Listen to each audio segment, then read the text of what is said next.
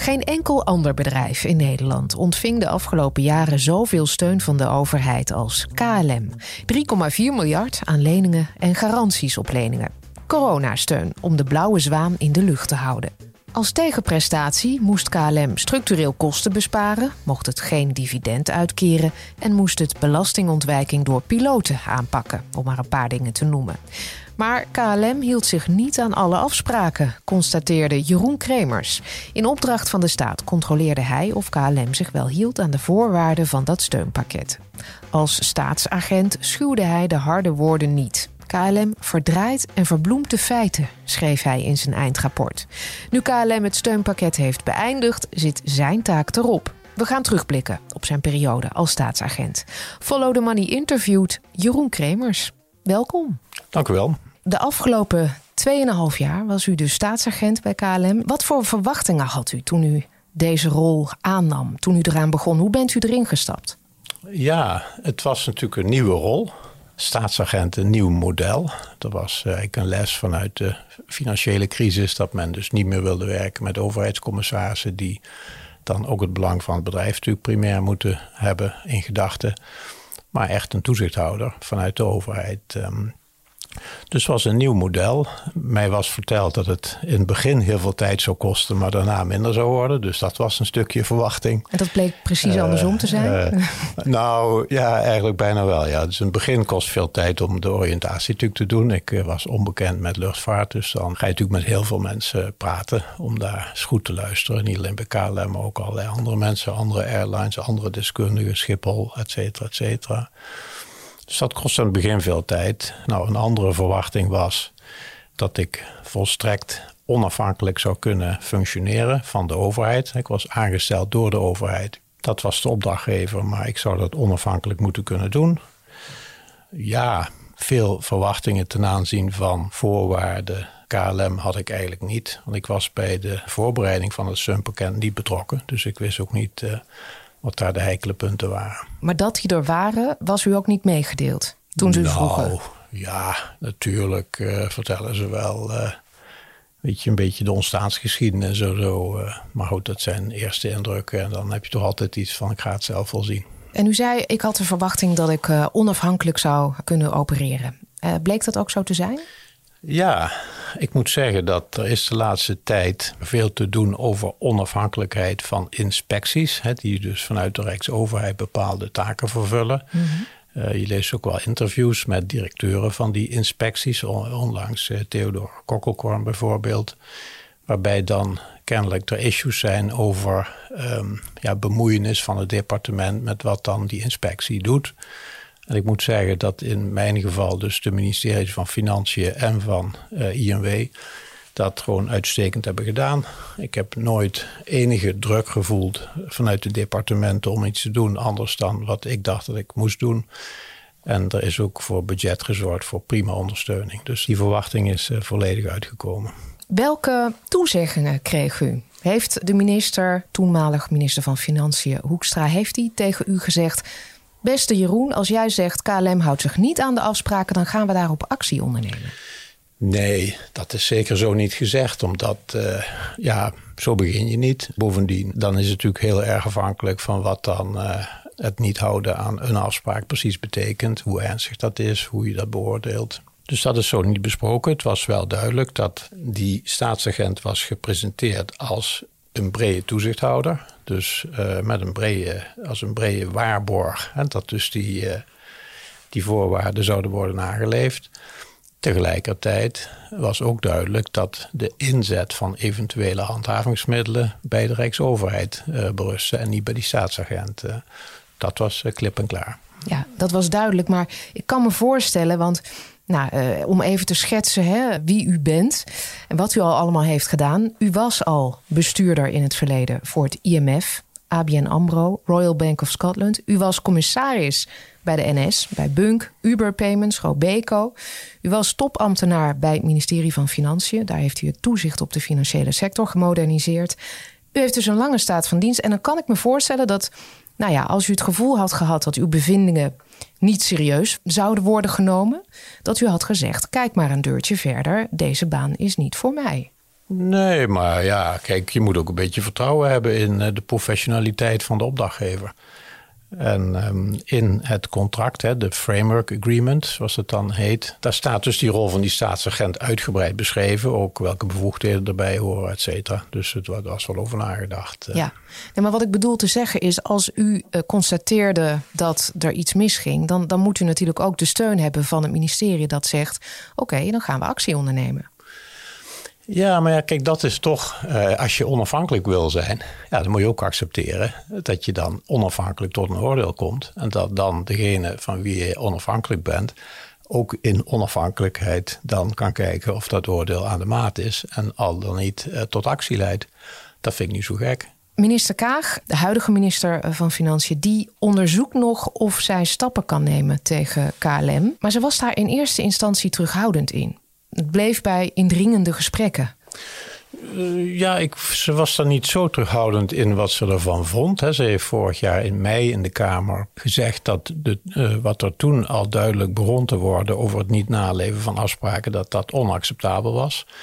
Um, dat er wel, uh, ja, voordat je dan kan ingrijpen, goed moet worden nagedacht wat je dan doet. Want er waren natuurlijk ook grootschalige bankenbedragen bij betrokken. Dus dat je daar dan niet uh, pardoes van alles uh, gaat doen, dat is niet gek. En ze heeft toen ook in de Kamer gezegd dat zij zou gaan onderzoeken wat dan de mogelijkheden zouden zijn. Dat was dus mei vorig jaar, dus haar beoordeling was denk ik duidelijk. Die was toen en ook sindsdien altijd uh, ja, in lijn met mijn beoordeling. Dus daar zat eigenlijk nooit licht tussen, ook mm -hmm. over de ernst van die overtredingen. En wat daar dan vervolgens ook nog wel speelde, want ik begrijp wel een beetje de ondertitel van uw vraag: van God, uh, had er niet vorig jaar iets moeten gebeuren? Maar wat er toen natuurlijk ook nog aan de orde was, was dat toen uh, er een wisseling van bestuursvoorzitter was bij KLM. En eigenlijk iedereen ook wel dacht van ja goed, dan uh, laten we dan die nieuwe bestuursvoorzitter ook eens even wat lucht geven om uh, misschien, uh, ja, hier een team samen te stellen. En, uh, ja, misschien zou Marjan Rintel het wel heel anders aanpakken dan Pieter Elbers. Ja, en de omstandigheden veranderen. Dus, ja, dan, dus dat was ongetwijfeld ook wel een, ja. een, een, een, overweging. En dat lijkt mij ook wel een valide overweging.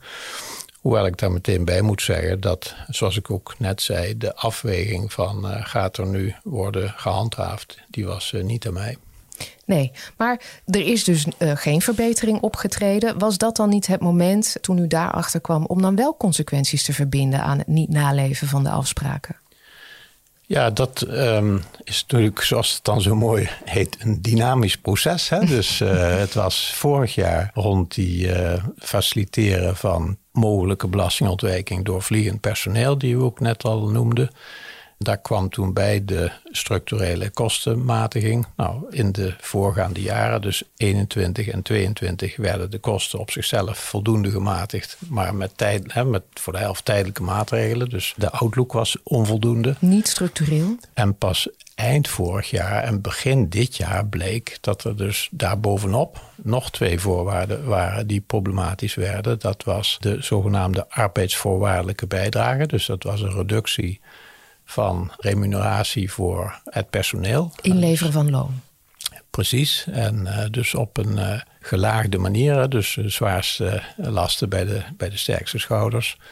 En eigenlijk bleek pas eind vorig jaar, dus in december vorig jaar, toen ik KLM vroeg om een zelfbeoordeling hoe die vlag erbij hing, nadat ik in de loop van dat jaar berichten kreeg uit de pers en ook wel hapsnap van KLM dat er dus her en der nieuwe CO's werden afgesproken. Ja, toen bleek eigenlijk, toen ik zei, geef mij nu waar dat nu allemaal staat, afgezet tegen de arbeidsvoorwaardelijke bijdrageconditie, is een self-assessment. Toen bleek dat vanaf maart van dat jaar, dus dat was uh, negen maanden eerder, men eigenlijk die hele voorwaarden aan de kant had geschoven. Dat was niet eerder op die manier medegedeeld.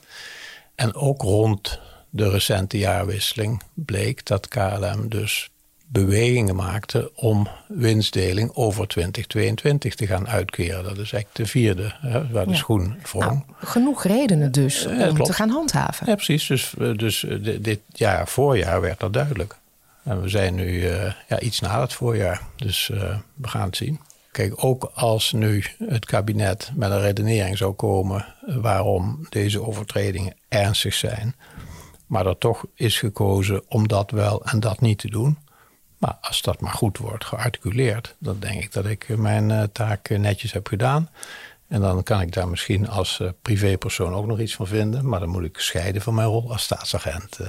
U schrijft wel als staatsagent dat u zich kwetsbaar voelde als toezichthouder. Wat bedoelt u daar dan mee? Ja, dat had eigenlijk niet zozeer hiermee te maken, maar meer um, omdat over het algemeen is een toezichthouder een organisatie. En hier was het een, een persoon. persoon die opdrachtnemer was van een hele grote rijksoverheid. En dat maakt het toch kwetsbaar in verschillende opzichten. Eén is ja, dat het dan toch over die persoon gaat. Kijk, als ik in mijn stukken en ook in mijn uitingen het heb over KLM, dan probeer ik ook ver te blijven van het spreken over die of die of die functionaris bij KLM. Dan heb ik het over de leiding of het bestuur. Je wil dat het liefst uh, inhoudelijk, professioneel en daarmee niet persoonlijk laten zijn. Nou, als die staatsagent een persoon is, dan is dat natuurlijk uh, ja, in die zin wat kwetsbaarder. Kunt u daar een uh, voorbeeld van geven? Nou ja, in de uitingen van KLM, dus de persberichten in reactie op mijn rapportages, ja, is geleidelijk aan vanuit KLM, vind ik, toch wel op de man gespeeld. En daar ben je dan natuurlijk als staatsagent persoon ja, wat kwetsbaarder voor. U heeft, het, bij, u heeft het opgeschreven. Gesuggereerd. Uh, ja, ik hou erg van feiten. Dus in, bijvoorbeeld een brief bij mijn vijfde rapportage. dat er een groot aantal ongefundeerde meningen in stond. Persoonlijke meningen. Nou, dan heb je al de persoon. Mm -hmm. Onbegrip voor de luchtvaart. Dus dat is een kwetsbaarheid. Nou ja, daarnaast in een organisatie heb je natuurlijk uh, waarborgen voor continuïteit bedoel, als uh, functionaris 1 eens een paar weken geen tijd heeft, dan kan functionaris 2 wat doen. En ik denk dat het nu wel goed is gegaan, want ik heb daar ook geen klachten over, zoals ik ook net zei. Maar voor een volgende keer zou je toch moeten nadenken. Moet je niet, uh, pak maar eens iets, de ILT, dus een toezichthouder in de sfeer van transport. Moet je die niet dat toezicht laten doen? Precies, inspectie leefomgeving. Precies. U noemde het zelf al, die sfeer waarin u uw werk deed. Um, KLM zegt dat u liegt. De directie noemt uw eindrapportage een mengeling van meningen en feiten. Vakbonden vinden dat u uw boekje ook te buiten bent gegaan. Kremers ziet ze vliegen, uh, zei vakbond de Unie in de Telegraaf. Dat is nog ja, een van de mildere kwalificaties, hè? Dat heb ik nog wel mooi bedacht. Ja, u wekte vooral de woede van piloten en kreeg er van langs op sociale media. Wat doet dat met u? Het feit dat het bedrijf KLM, dus de leiding van het bedrijf, dit voor een deel um, toch wel op de man heeft gespeeld, zoals u dat net ook citeerde. Um, dat vond ik... Uh, ja, eigenlijk wel. Het riep bij mij wel. Was vond ik verrassend, laat ik het zo zeggen. En, um, Wat riep het op? Ja, vraagtekens of uh, ik, ja, ik, ik vond het wel opmerkelijk. En, uh, en dan ga je natuurlijk afvragen, waarom doet men dat? Wat wordt ermee beoogd? En dan vervolgens, kijk, ik ben toch eigenlijk uiteindelijk vooral geïnteresseerd in het effect van wat ik doe. En of ik mijn werk goed doe. Dus dan ga je nadenken van wat voor effect heeft dat dan. En mijn indruk is dat het op de Tweede Kamer en het daaraan voorafgaand op de Rijksoverheid geen enkel effect heeft gehad. Dus daar hebben ze eigenlijk mijn analyse en ook weging van dingen, denk ik, volledig uh, gevolgd. Had het effect op u? Um, ga even afmaken. Dus uh, daarbuiten um, de pers, denk ik ook uh, by and large, gewoon ondersteunend. Dus, dus, dus daar had het eigenlijk geen schadelijke gevolgen. Eén schadelijk gevolg wat ik dan wel wil noemen, is, u noemde daarnet dus de bonden en de piloten, et cetera. Dit beeld dat KLM naar buiten opriep van die staatsagent, heeft natuurlijk ook intern invloed binnen dat bedrijf. En waar de buitenwacht eigenlijk dit naast zich neerlegde, krijg je de indruk dat het, zeg maar, de dynamiek binnen dat bedrijf eigenlijk op een bepaalde manier heeft uh, beïnvloed. Ja, die denk ik uh, lastig is weer uiteindelijk voor de leiding van het bedrijf. Want je, nou ja, je, laat, je laat daar een geest uit de fles. He, van uh, al die voorwaarden, het is allemaal onzin. Die staatsagent die weet niet waar hij het over heeft. Nou, dan vervolgens blijkt dat die staatsagent gewoon uh, zijn ogen op de bal houdt. Zich niet laat lokken in dit soort toestanden. En dat hij door de relevante partijen eigenlijk heel breed wordt gesteund. Ja, dan heb je denk ik als leiding binnen je bedrijf een groter probleem dan wanneer je daar een wat rustiger, eerlijker verhaal had verteld. Uh, begrijpt u wat ik bedoel? Nou, probeer het, dan ben je dus niet meer geloofwaardig als directie. Nou ja, kijk, als je als, je als directie een bedrijf in een hele moeilijke tijd ook nog van koers wil laten veranderen, en dat is natuurlijk eigenlijk wat er aan de hand is bij KLM, ja, is het wel erg belangrijk dat je daar misschien niet alle personeelsleden, maar toch wel de bulk in meeneemt. En als daar via de band van het publieke debat rond die voorwaarden en die staatsagent binnen dat bedrijf, mede door de manier waarop vanuit de leiding die staatsagent wordt neergezet, dus ik noem dat dan op de man spelen, mm ja, toch een wat opgehitste sfeer eh, ontstaat. Of in ieder geval de, die mate van ophitsing nog hè, wordt voor, uitvergroot. Ja, dan is dat denk ik in de eerste plaats een probleem voor dezelfde leiding van hetzelfde bedrijf. Want die moeten die geest dan ook weer in de fles krijgen om toch hè, die hervormingen die binnen dat bedrijf nodig zijn te kunnen doen. Dus uw vraag van wat deed ik met mezelf? Eerlijk gezegd, eigenlijk niet zo heel veel. Had u dit al eens eerder meegemaakt, de sfeer waarin u uw werk moest doen? Want u heeft eerder toezicht gehouden bij de NS. Bent u daar wel eens voorgelogen door de directie? Ja, kijk, het woord liegen heb ik denk ik nooit in de mond genomen. Maar, nou, onjuiste um, informatie verstrekken of informatie achterhouden?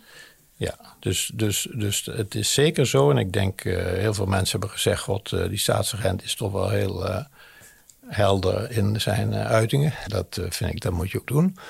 Maar liegen vind ik ook weer, dat draagt ook weer een beetje bij aan de opgehitste sfeer. Dus, maar, maar, u begrijpt wat ik bedoel? Zeker. En dus mijn antwoord is zeker heb ik dat ook elders meegemaakt. Ik bedoel, overal, overal waar belangen kunnen, kunnen botsen kan het gebeuren dat. Het is natuurlijk niet Worden de commissarissen verkeerd kan gebeuren, ja, kan gebeuren. Het, is, het is niet goed. Het gebeurt ook niet altijd, helemaal niet. Het is een uitzondering, maar ik heb het echt wel andere situaties meegemaakt. En dat is buitengewoon ernstig. Schokkend om te horen. Het is ook ernstig, natuurlijk. Maar daarom heb je ook toezicht, eh, ook binnen bedrijven. Kijk, als je... Ik kan daar nu geen voorbeelden van noemen, maar ik heb ook situaties meegemaakt waarin je dus als commissaris en bij je toezichthouder binnen het bedrijf ja, vindt dat je door het bestuur onvoldoende transparant of onvoldoende tijdig over belangrijke dingen bent geïnformeerd.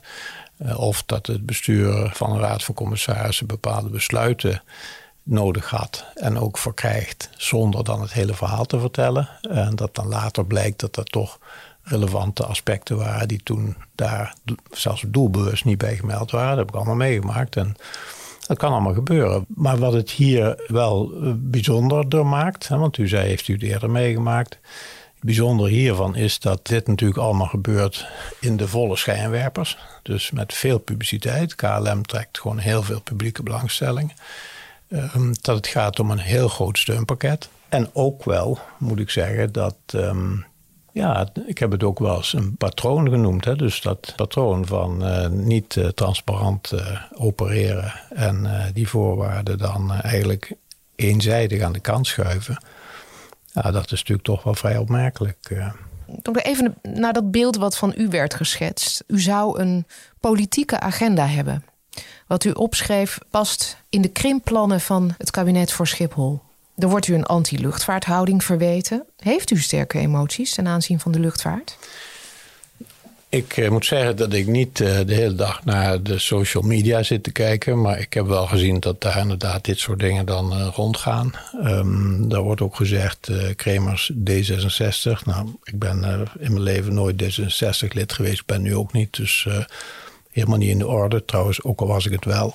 Weet je, het zijn verdachtmakingen die, uh, die niet, uh, niet relevant zijn. Ik ben helemaal niet anti-luchtvaart. Toen vorig jaar het ministerie van INW kwam met de plannen om die capaciteit van Schiphol te gaan uh, beperken, waren die net zozeer een verrassing voor mij als voor alle andere mensen. Dus dat, ik weet nog heel goed hoe het ging. Vrijdag, ministerraad, stukken gaan naar buiten, opeens veel publiciteit. Ik heb ze toen allemaal gedownload, gewoon van de website van uh, eh, INW. Ben ze allemaal gaan lezen. Ik vond het buitengewoon interessant, maar ik uh, was er niet bij betrokken. Ik moet zeggen dat ik wel onder de indruk was van het werk dat INW daar had gedaan. En ook dat ze dat hadden gedaan in volstrekte vertrouwelijkheid. Uh. Kijk, eigenlijk als je zo vragen van wat zit hier nou achterliggend achter. Ik um, denk, heb gemerkt dat de hele luchtvaartsector en de wereld daaromheen. Ik dacht toen ik hier aan begon, dat zijn beta's, hè, dat zijn allemaal uh, rationele, kwantitatief ingestelde figuren. Maar er zit heel veel emotie omheen. Dat had ik uh, niet uh, gedacht. Dus dat is één ding. Heel veel mensen met heel veel hart voor de zaak. En toch ook in een tijd waar decennia daarvoor eigenlijk de sector, dat is niet alleen KLM, maar de hele luchtvaartsector, toch gewoon kon groeien en groeien en nog eens groeien. Ja, en als er nog eens iemand vanuit um, de samenleving of omwonenden of de politiek daar kanttekeningen bij had, die hadden eigenlijk weinig effect. En nu is toch in een vrij korte tijd dat klimaat daaromheen echt fors veranderd. Dus ja, dat dan uh, ja, veel mensen in de die sector, opeens uh, denken van... hé, uh, hey, dat zijn we niet gewend, want uh, wij Voelt hadden... opeens dreiging. precies, en ja. wij, hadden toch, wij waren hier toch altijd zo belangrijk voor Nederland. Wij hadden de leiding en wij vertelden wel wat er moest gebeuren. En dat is echt veranderd. Nou ja, als er dan ook nog die voorwaarden komen... en dan ook nog die staatsagent die gewoon opschrijft van zo is het... en zich daar niet laat, tussen aanhalingstekentjes, intimideren ja, dat mensen dan gaan zeggen. Ja, het blijft natuurlijk slecht, het blijft op de band spelen. Maar goed, dat hoort erbij, zo gaat het. Hè. Collega Ties Joosten die schrijft in zijn boek De Blauwe Fabel... dat die emoties zitten in nationalisme en een Calimero-complex. Ik denk dat die emoties bij andere airlines en andere landen hetzelfde zijn. Dus misschien uh, is het in Nederland dan nog wat groter door deze factoren... die uh, Ties Joosten dan noemde. Maar toen ik bijvoorbeeld, ik noem een voorbeeldje, toen ik moest, want die voorwaarde was er op last van de Tweede Kamer eh, bijgekomen. Toen ik iets ben gaan doen aan het analyseren van dat faciliteren van mogelijke belastingontwijking door vliegend personeel. Ja, toen werd er ook door buitenlandse luchtvaartmensen wel aan mij gezegd you know, oh my god, Jeroen, you're going to touch the lifestyle. Dit kan je niet doen. Uh, dat was niet een Nederlander, dat was een Fransman die dat zei. Uh, en ook een luchtvaartfiguur. En verder. ik ben Geen namen, nee, nee ik heb het begrepen. Nee, en dus, dus, dus die zei: My god, you're touching the lifestyle. Nou, dat heeft ook natuurlijk met die emotie te maken. U zei net: ik ben niet geïntimideerd, of ik liet me niet intimideren. En toen plaatste u dat tussen aanhalingstekens. Was er een moment waarop u het gevoel had dat men u wilde intimideren? Nou ja, kijk, ik vind als je vanuit de leiding van het bedrijf de suggestie gaat wekken in officiële stukken dat uh, de man gewoon uh, niet uh, capabel is. Ja, en dat wordt dan natuurlijk fors uitvergroot bij weet je, alle, alle, alle mensen die daar bij het bedrijf rondlopen. Dan is dat toch, kan toch niet anders zijn dan een poging om het gezag van uh, die functionaris te ondermijnen. Maar dat is intimideren. Dan, uh, dan zal iemand die dat bij, bij KLM heeft bedacht, zal dan wel denken van misschien gaat hij dan een tootje lager zingen. Had het het tegenovergestelde effect misschien? Het zou best kunnen, ja. Ik hou me niet in. Nee, maar je moet je niet laten lokken dan. Dus dan moet je altijd weer balans houden. Maar uh, kijk, als je zo'n rol gaat doen en die doe je ja, er zijn ook uh, natuurlijk ook mensen die hebben gezegd: zo belachelijk hoeveel die man betaald heeft gekregen en zo. Uh, nou, dat was echt uh, bescheiden. En dus zo'n zo'n rol, is iets van 50.000 euro per jaar. Dus dat is niet een enorme bedrag. En, dus je doet het niet voor het geld. Dus je doet het omdat je toch gevoel hebt voor het publieke belang. En dan, ja, weet je, als je dan je laat intimideren door dit soort gedoe, dan moet je iemand anders dat werk laten doen. Goed, ik wil heel graag uh, weten hoe u uw werk eigenlijk uh, deed. Hoe, hoe dat er gewoon op een dagelijkse basis uitzag. Op wat voor momenten zat u bij KLM? Ja, het begon dus in de coronatijd. Hè? Dus toen was het niet zo heel makkelijk om uh, daar heel veel bij mensen op bezoek te gaan. Dus ik heb wel een introductieprogramma doorlopen, ook bij KLM gesprekken gevoerd met bestuursleden, met een aantal senior eh, mensen in de organisatie. En ook nog een leuk bezoek aan de hangars en zo. Allemaal eh, achter de stuurknuppel mogen zitten voor een fotootje. De hele rigmarole allemaal Toen was gedaan. het ook leuk. Allemaal gedaan. En uh, nou ja, kijk, tuurlijk, de mensen die je daar ontmoet, is natuurlijk heel leuk. Maar het is uh, leuk bij KLM, dat is ook leuk bij... Uh, U maakt ze ook een compliment, hè? In, in het eindrapport. Natuurlijk, natuurlijk. Ja. En dat is overal leuk, waar mensen enthousiast zijn. dus, dat, dus dat heb ik toen gedaan. Daarna werd het heel veel scherm. Dus veel van de contacten met bestuur, wat mijn eerste aanspreekpunt was, waren dan of via het scherm of gewoon bellen. Raden van commissarissen die ik kon bijwonen waren op het scherm. En na de corona wel weer wat meer in persoon. Maar ik, uh, weet je, ik heb niet daar een kamertje gehad bij KLM of zoiets. Uh, en, nee. uh, ik kon mijn werk gewoon doen met de stukken die ik kreeg. En ik had ook inmiddels een aantal goede ondersteuners die zaten ook veelal in Londen. Dus ook niet hier op kantoor of zo. Die had u ingehuurd, hè? Komen we zo op. Ja. Um, maar op wat voor momenten was er overleg of waren er gesprekken? Nou, dat was eigenlijk de reguliere cadans van um, de uh, één keer per kwartaal of zoiets, de raden van commissarissen van KLM. Uh, ik ben eigenlijk gestart, zoals ik net zei, met natuurlijk het bestuur als eerste counterpart. In die tijd ja, was het bestuur niet erg proactief met het informeren van mij. Dus was de Raad van Commissarissen ja, gewoon het moment dat men toch met budget en financiële plannen en dat soort dingen naar de FEC moest. Dus daar kon ik dan conform Framework Agreement mooi aanhaken. Was het bestuur daar dan ook bij?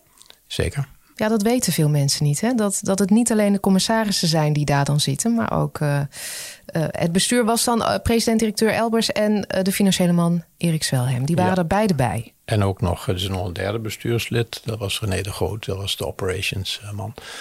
En het is overigens ook zo, een RVC kan natuurlijk ook zonder bestuur vergaderen. Um, dat is gezond als je dat regelmatig doet. Doen ze dat um, bij KLM? Um, ja, dat gebeurt ook daar. En hoe vaak, dat weet ik niet, want dat gaat dan ook natuurlijk vaak over uh, remuneratie van het bestuur. Daar, had ik, uh, niet, ja. uh, daar wilde ik niet bij zijn, dus weet ik niet precies. In het begin werkte KLM goed mee, zegt u, schrijft u in die rapportages. Mhm. -huh. Maar op een gegeven moment kon u de cijfers die KLM aanleverde niet meer vertrouwen. Op welk moment kreeg u dat door? Dat speelde in de loop van 2021, toen er cijfers verschenen over de structurele kostenmatiging.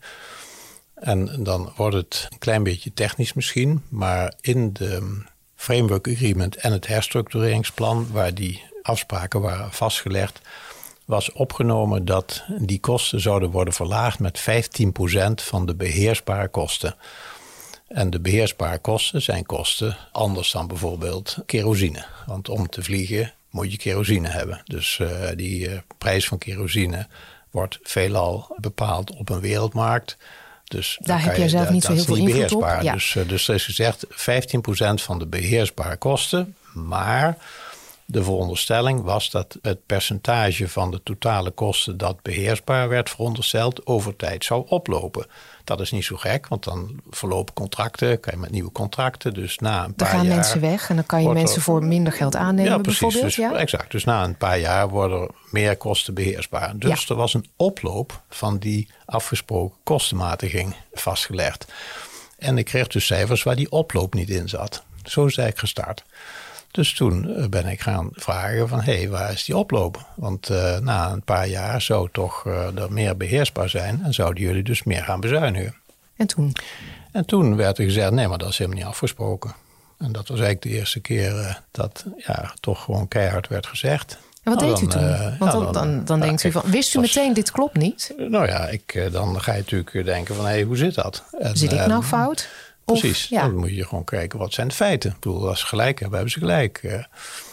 Dus dat ben ik toen gaan doen. Stukken erbij, spreken met de mensen van KLM, ook de mensen van het ministerie van Financiën in dit geval, die bij het vormgeven van het steunpakket al betrokken waren geweest. Naast dat contract kan, kunnen er ook afspraken zijn die bijvoorbeeld in briefwisseling zijn gemaakt. En tot slot kunnen er ook mondelinge afspraken zijn.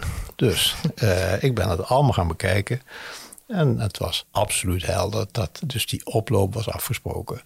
Toen dacht ik, nou, dat is toch wel shocking. En het, overigens de manier waarop dat ging, die bevestigde dat eigenlijk. Want daar werd vanuit het bestuur ja, toch wel uit mijn hoofd weken of misschien nog wel langer, ja, het onderwerp gewoon uh, gemasseerd om het uit te stellen. Of om het toch een beetje bleu bleu te laten. Of uh, het niet gewoon klip en klaar te krijgen. En ik heb toen gezegd, nee, als wij dit nu laten uh, gebeuren. Dus dat die afspraken onduidelijk zijn of in de lucht blijven hangen dan gaat dat de komende jaren natuurlijk uh, verder rotten. Dus dat moet je niet hebben. Het moet gewoon duidelijk zijn wat is afgesproken. Dus, dus het feit dat ze er een beetje omheen draaiden en het ook niet echt wilden oplossen, uit de lucht wilden halen, was voor u al een teken van hm, dit klopt niet. Exact. En wat ik toen dus uiteindelijk heb moeten doen, is het escalatiemechanisme dat in de framework agreement was vastgelegd, uh, ermee dreigen om dat in werking te stellen. En wat was dat, dat? Uh, escalatiemechanisme dat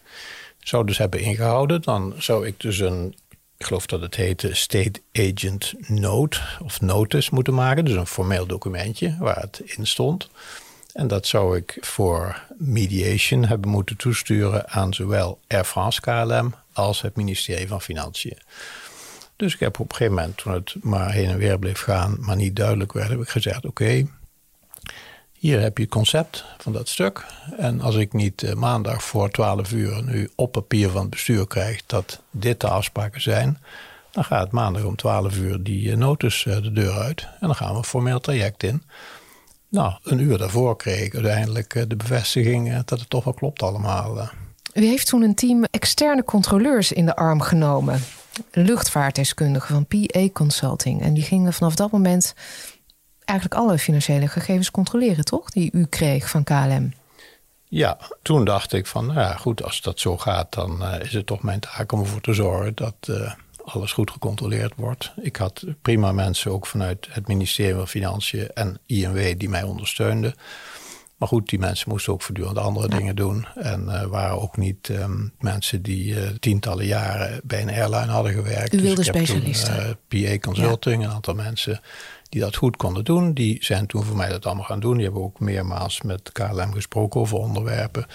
Overigens, ook daar werd toen wel aan mij gezegd: Ja, Jeroen, die eh, mensen van PA Consulting die jou ondersteunen, die hebben gewerkt bij airlines, die zijn al lang failliet. Wij zijn KLM, we zijn niet failliet. Dus ja, eigenlijk hetzelfde. Ja, op de man spelen, intimidatie. Dus daar ging ik dan mee terug naar die mensen van PA. En dan zei ik: eh, Moet je eens horen wat er hier nu wordt gezegd. Nou ja, en die waren daar dus ook zeer verbaasd over. Want uh, ja, die waren dus op senior posities geweest in finance of in piloten, CAO's bij bijvoorbeeld British Airways. Dus het waren gewoon competente mensen. Die consultants, die vonden ook dingen. Nou, die PA-mensen, wat zij hebben gedaan, is um, dus de meerjarencijfers uh, gewoon heel goed doorspitten. Van hoe zitten ze in elkaar. En om daar misschien nog een voorbeeld bij te noemen. Er was gezegd, dus de kosten moeten omlaag. Maar het onderliggende doel was om KLM financieel steviger te maken. Dat kan je doen door de kosten te verlagen, maar dat kan je ook doen door de productiviteit te verhogen. Als mensen uh, langer werken of als je minder mensen nodig hebt voor dezelfde klus, gaat ook de marge omhoog. Dat was een interpretatie van mij van die voorwaarden. Ook een soort van handreiking naar KLM. Hè, van misschien in plaats van alleen maar die lonen te verlagen, als er iets kan worden gedaan aan de efficiency, ja, dan kunnen we dat ook meetellen in onze beoordeling. Mhm. Nou, daar heb je dan natuurlijk echt wel mensen nodig die daar verstand van hebben. Dus dat zijn die PA-mensen gaan doen. Die zijn echt gaan kijken van waar zit daar voor de ruimte? Wat zijn de plannen? En dan kwamen ook plannen van KLM. En dan moesten zij natuurlijk beoordelen of dat uh, ja, serieuze plannen waren. Die je ook zou kunnen meenemen in je cijfers. Uh. Ja. Um, u zat dus bij die uh, vergaderingen van de RVC. Kreeg u eigenlijk steun van die commissarissen? Zij zitten daar per slot van rekening ook als toezichthouder. Weliswaar niet namens de staat, maar toch. Ja, ik begrijp dat u die vraag stelt. Echter, ik eh, kan uh, niet gaan vertellen over wat er in die RWC gebeurde. Want die vergaderingen die zijn vertrouwelijk, dus dat kan ik niet doen. Als u het via de band uh, zou willen aanvliegen, namelijk is daar vanuit de Raad van Commissarissen zodanig geïnterveneerd dat dat de zaak ten goede heeft helpen keren, dan weten wij dat dat niet zo is. Ze zitten daar met z'n negen, hè? Negen commissarissen. Oké. Ik heb het even opgezocht. Mhm. Ehm, zes mannen, drie vrouwen.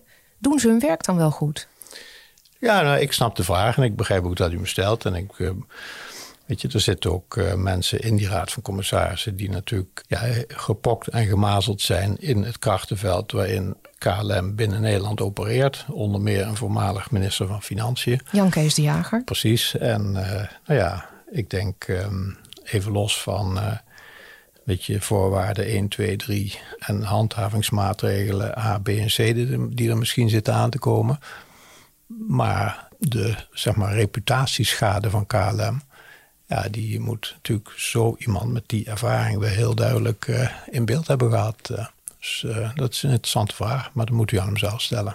Maar als ik hem via de band speel? Nou ja, het heeft in ieder geval niet. Het is niet zo dat daar een RVC heeft gezeten die um, door eigen optreden ervoor heeft gezorgd dat die voorwaarden op de een of andere manier beter um, zijn nageleefd. Ja, het gaat, we hebben het de hele tijd over voorwaarden, maar die zijn er niet voor niets. Het gaat er natuurlijk uiteindelijk om om KLM weerbaarder te maken voor een mogelijke volgende crisis. En dat is natuurlijk ook wat commissarissen en toezichthouders doen: de continuïteit van de onderneming waarborgen. Dat ben ik met u eens. Als je onderliggend zou ik samenvatten dat er eigenlijk twee, twee hoofddoelstellingen waren van die voorwaarden. Eén was de, wat u noemt, hè, dus dat het bedrijf niet bij de eerste tegenwind weer met de hand op moet staan. En de tweede set van voorwaarden diende er natuurlijk toe om de grootschalige steun voor KLM maatschappelijk te kunnen rechtvaardigen. U houdt er rekening mee dat KLM binnen afzienbare tijd gedwongen is weer voor steun aan te kloppen. Is deze steunoperatie kortom mislukt? Nou, ik eh, denk dat dat te ver gaat om dat te zeggen. Er waren verschillende doelstellingen. Eén was om KLM uh, in de lucht te houden. Nou, dat is gelukt. tweede was om KLM steviger te maken voor de toekomst. Dat is onvoldoende gelukt. Het is niet zwart-wit, want niet dat het nou morgen omvalt, maar dat is echt onvoldoende gelukt. Ik heb dat in mijn stukken ook wel toegelicht. Ja, u zegt de vermogenspositie van KLM is dermate zwak dat de steunoperatie niet een bedrijf heeft opgeleverd waarvan vertrouwd mag worden dat het ook bij nieuwe tegenvallers op eigen benen kan staan. Eh, dat is het precies. En dat geldt ook als je het vergelijkt met andere vergelijkbare airlines. Dus als je binnen Europa kijkt naar bijvoorbeeld uh, Lufthansa en de maatschappijen die daarin deelnemen, en ook eh, British en die groep daar is de vermogenspositie gewoon significant sterker dan die hier is. Wat dat betreft is die klus niet af. En het derde domein waar die operatie, denk ik, uh, je niet kan zeggen dat die geslaagd is, is dat ja, het niet voldoen aan relevante voorwaarden en ook de manier waarop dat dan is gebeurd. Ja, dat doet natuurlijk de reputatie van KLM binnen de Nederlandse samenleving en de Nederlandse politiek geen goed.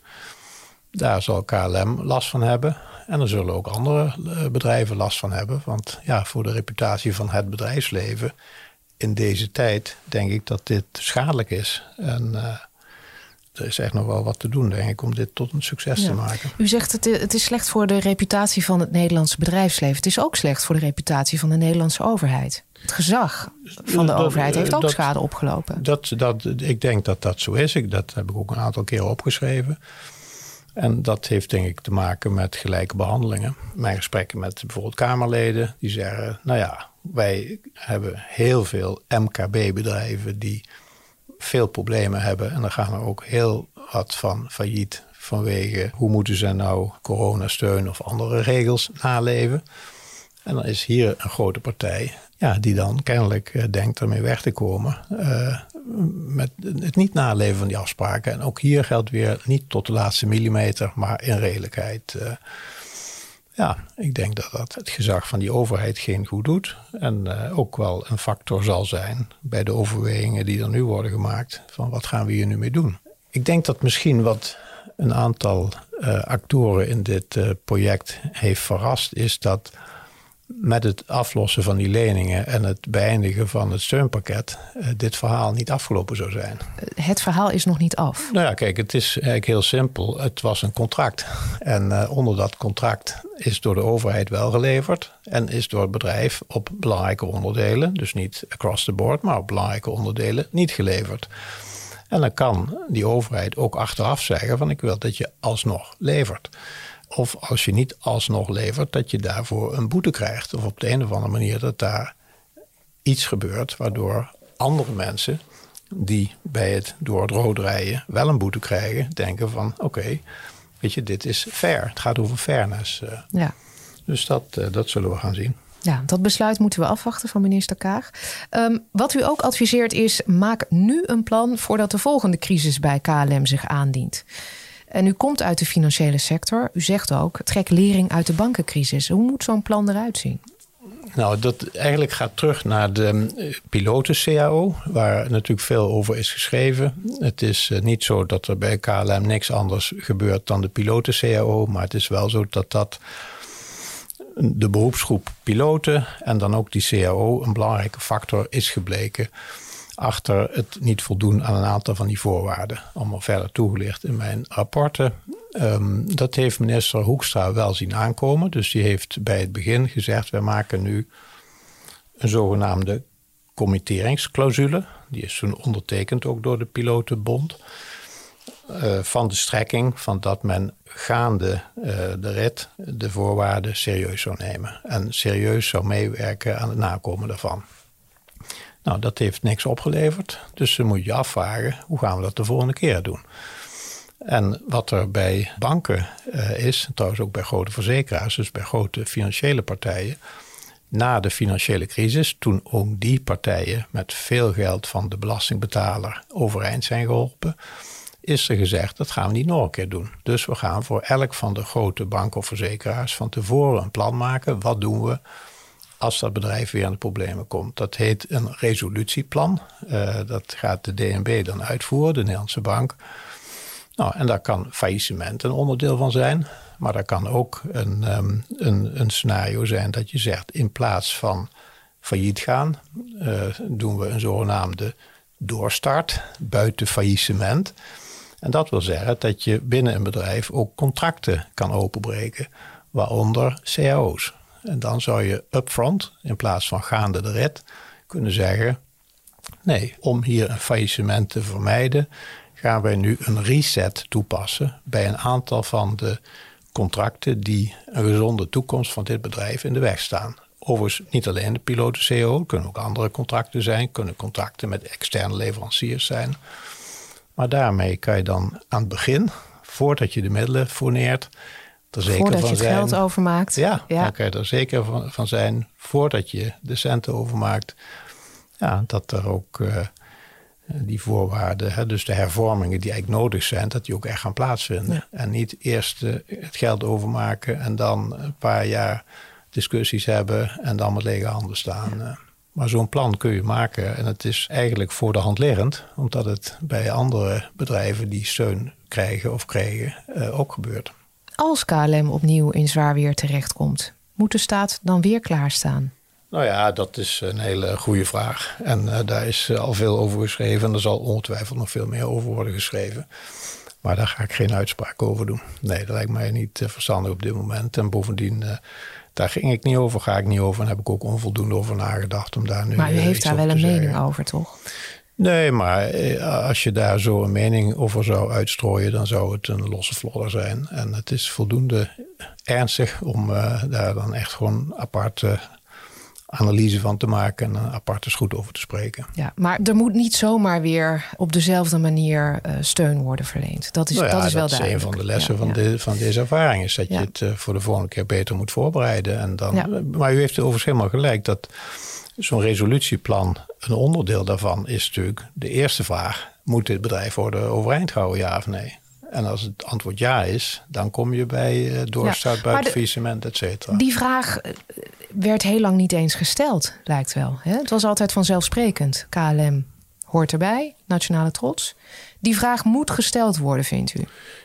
Nou, die is toen ook natuurlijk wel gesteld. Hè? Er was toen, als je terug in de kranten kijkt, waren er toen ook opinieartikelen, et cetera, van ja, gewoon vooraanstaande mensen die zeiden: dit moet je de markt laten oplossen. En uh, ja, maar de vraag is, is die wel door, uh, door de minister van Financiën gesteld? Dat weet ik niet, daar ben ik niet bij geweest. Ik ben pas begonnen toen het reddingspakket klaar was. Het is natuurlijk steeds moeilijker om, om zo'n eh, beslissing te nemen. Hè, om bijvoorbeeld te besluiten niet weer er geld in te steken. Als je er nog als aandeelhouder in zit, heel veel geld in hebt gestoken. En ja, dat maakt het, maakt het allemaal wel lastiger. Dat ben ik met u eens, maar om al dit soort redenen is mijn pleidooi om daar dus een scenario voor te maken van tevoren. Omdat je dan ook de, de, de moeilijke afwegingen kan voorbereiden.